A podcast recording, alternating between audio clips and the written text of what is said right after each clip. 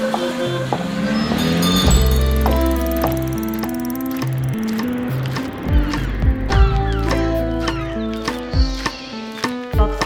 31. Hoe handel je bij mensen die niet zelfredzaam zijn, met meerdere problemen kampen en hun huis dreigen kwijt te raken? Waarom willen sommige mensen zelfs op dat moment niet meewerken aan hulpverlening? Wat gaat er door hun hoofd? Platform 31 keek mee bij de Uitvoeringsbrigade, een organisatie die met een brede aanpak mensen uit armoede helpt. Straks gaat Suzanne Dame vertellen over hoe zij Francis hielpen. Maar eerst vertelt ze over wat de Uitvoeringsbrigade allemaal doet. Ik ben Suzanne Dame. Ik ben oprichter en ontwikkelaar bij de Uitvoeringsbrigade. De Uitvoeringsbrigade werkt aan vernieuwing in het sociaal domein. Wij vertalen transformatie van papier naar werkelijkheid. Wij geloven dat minimaal de helft van de Nederlanders duurzaam uit achterstand kan groeien. Met grote opbrengsten voor bewoners zelf, maar ook voor de betrokken organisaties. En dit doen we met ons ene been in de uitvoering: actie en doen. In de wijken waar dit het hardst nodig is. Daar werken we samen met bewoners en lokale partners zoals de gemeente, woningbouw, welzijn, basisscholen en politie. Onze groeimethode GrowCare zorgt dat mensen duurzaam uit achterstand groeien. Voor bewoners betekent dit vooruitgang op hun situatie, op hun vaardigheden en in hun gedrag. Maar ons andere been staat in de systeemwereld. Want it takes a system to grow. Organisaties kunnen de groei van individuele bewoners mogelijk maken. En ze profiteren daar zelf ook van. Wij vertalen de buitenwereld, de wereld van de straat, naar binnen, de organisatie in. Via onderzoek, advies en training. Altijd verbonden met de praktijk. Wij vliegen in en we vliegen weer uit. Wij zijn geen nieuw instituut. Wij werken vanuit de lokale praktijk en bouwen aan vertrouwen bij mensen, in zichzelf, zowel bij bewoners als bij professionals en organisaties. Suzanne gaat zo een artikel voorlezen dat we eerder publiceerden op platform31.nl. Het artikel heet Hoe te handelen als iemand huis en kinderen kan kwijtraken. Wil je meer weten over een brede aanpak van armoede en schulden of andere voorbeelden van de uitvoeringsbrigade lezen? Kijk dan ook op de website van Platform 31. Maar laten we eerst luisteren naar het verhaal van Suzanne over Francis, die dankzij de uitvoeringsbrigade weer grip kreeg op haar leven. Zodra de deurbel gaat, trekt er een rilling door het lichaam van Frances. Ze stopt waarmee ze bezig is en gaat snel op de bank zitten. Daar wacht ze stil totdat degene die voor de deur staat weg is.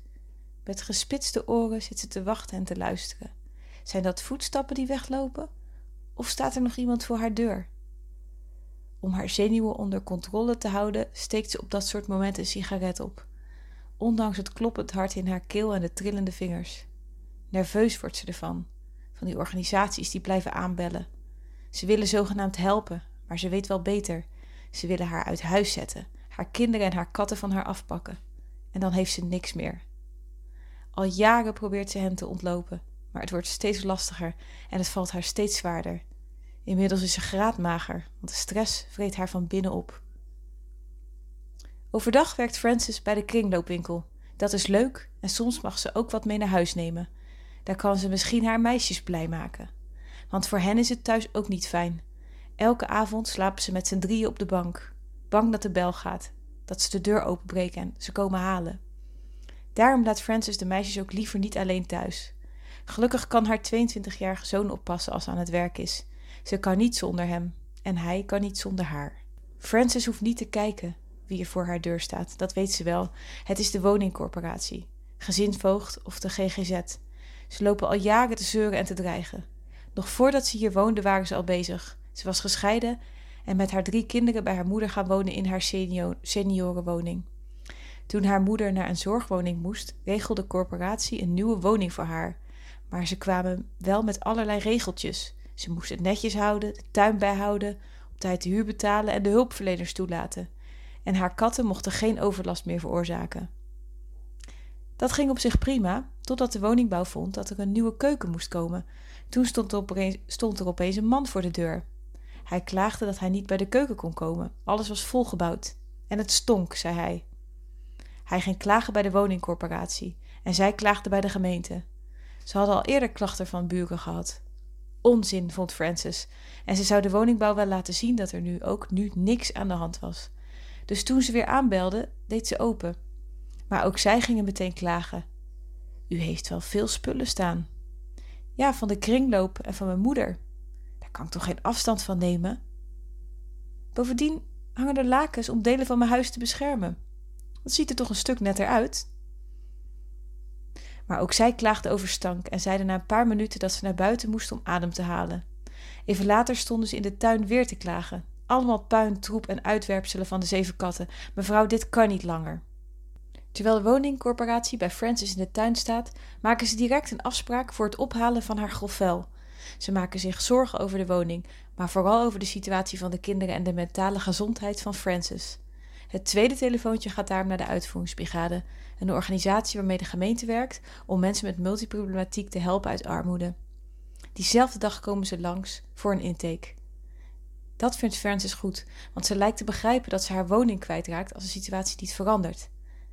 Het liefst wil ze gewoon een einde maken aan het gezeur van de woningcorporatie en de gezinsvoogd. Daar haakt de uitvoeringsbrigade op in. Dan gaan we dat aanpakken. Ondertussen stellen ze haar diverse vragen en maken ze samen een plan om haar situatie te verbeteren, inclusief prioriteiten en volgorde van handelen. Later die week komt de uitvoeringsbrigade terug bij Francis. Alleen ze is niet thuis. Pas als veilig thuis wordt ingeschakeld, duikt ze weer op. Ze dreigen de meisjes uit huis te halen. Ook haar zoon is in paniek. Hij krijgt geen uitkering meer omdat hij niet meer naar zijn werktraject gaat.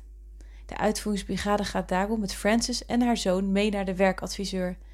En daar worden spijkers met koppen geslagen. Ze krijgen beide persoonlijke begeleiding en zetten hun handtekening onder een WMO-aanvraag. Het werk kan beginnen. Via de WMO krijgt Francis hulp van de thuiszorg voor het opruimen en schoonmaken van haar woning. Nationaal Fonds Kinderhulp geeft een basisinrichting voor de kinderkamers, zodat ze niet meer elke nacht samen op de bank hoeven te slapen. Meisjes allebei een eigen bed en een eigen kast hebben. Francis ziet de situatie langzaam veranderen en voelt zich gesteund. Ze vindt de complimenten van haar coach, als ze zelf wat doet, vreemd, maar heel fijn. Ondertussen bouwt de woningcorporatie een dossier op als stok achter de deur. Ze betalen de opvang van de katten bij een asiel, 1600 euro, en ze zorgen dat het gravel gratis wordt afgevoerd. In het groeiplan dat Francis met de uitvoeringsbrigade opstelde, staat de brede benadering vastgelegd. Het plan is gebaseerd op haar situatie, gedrag en vaardigheden en hierin staat helder wie wat doet en wanneer. Het is bovendien in lijn met de bodemeisen van de gezinsvoogd. Francis weet nu ook wat de consequenties zijn van haar gedrag. En als ze zich aan de afspraken houdt, mogen de meisjes thuis blijven. Aanvankelijk zet ze stappen, maar na verloop van tijd is Francis weer klaar met alle bemoeienis. Ze gaat afspraken afzeggen en na twee maanden plaatst de rechter alsnog haar dochters uit huis.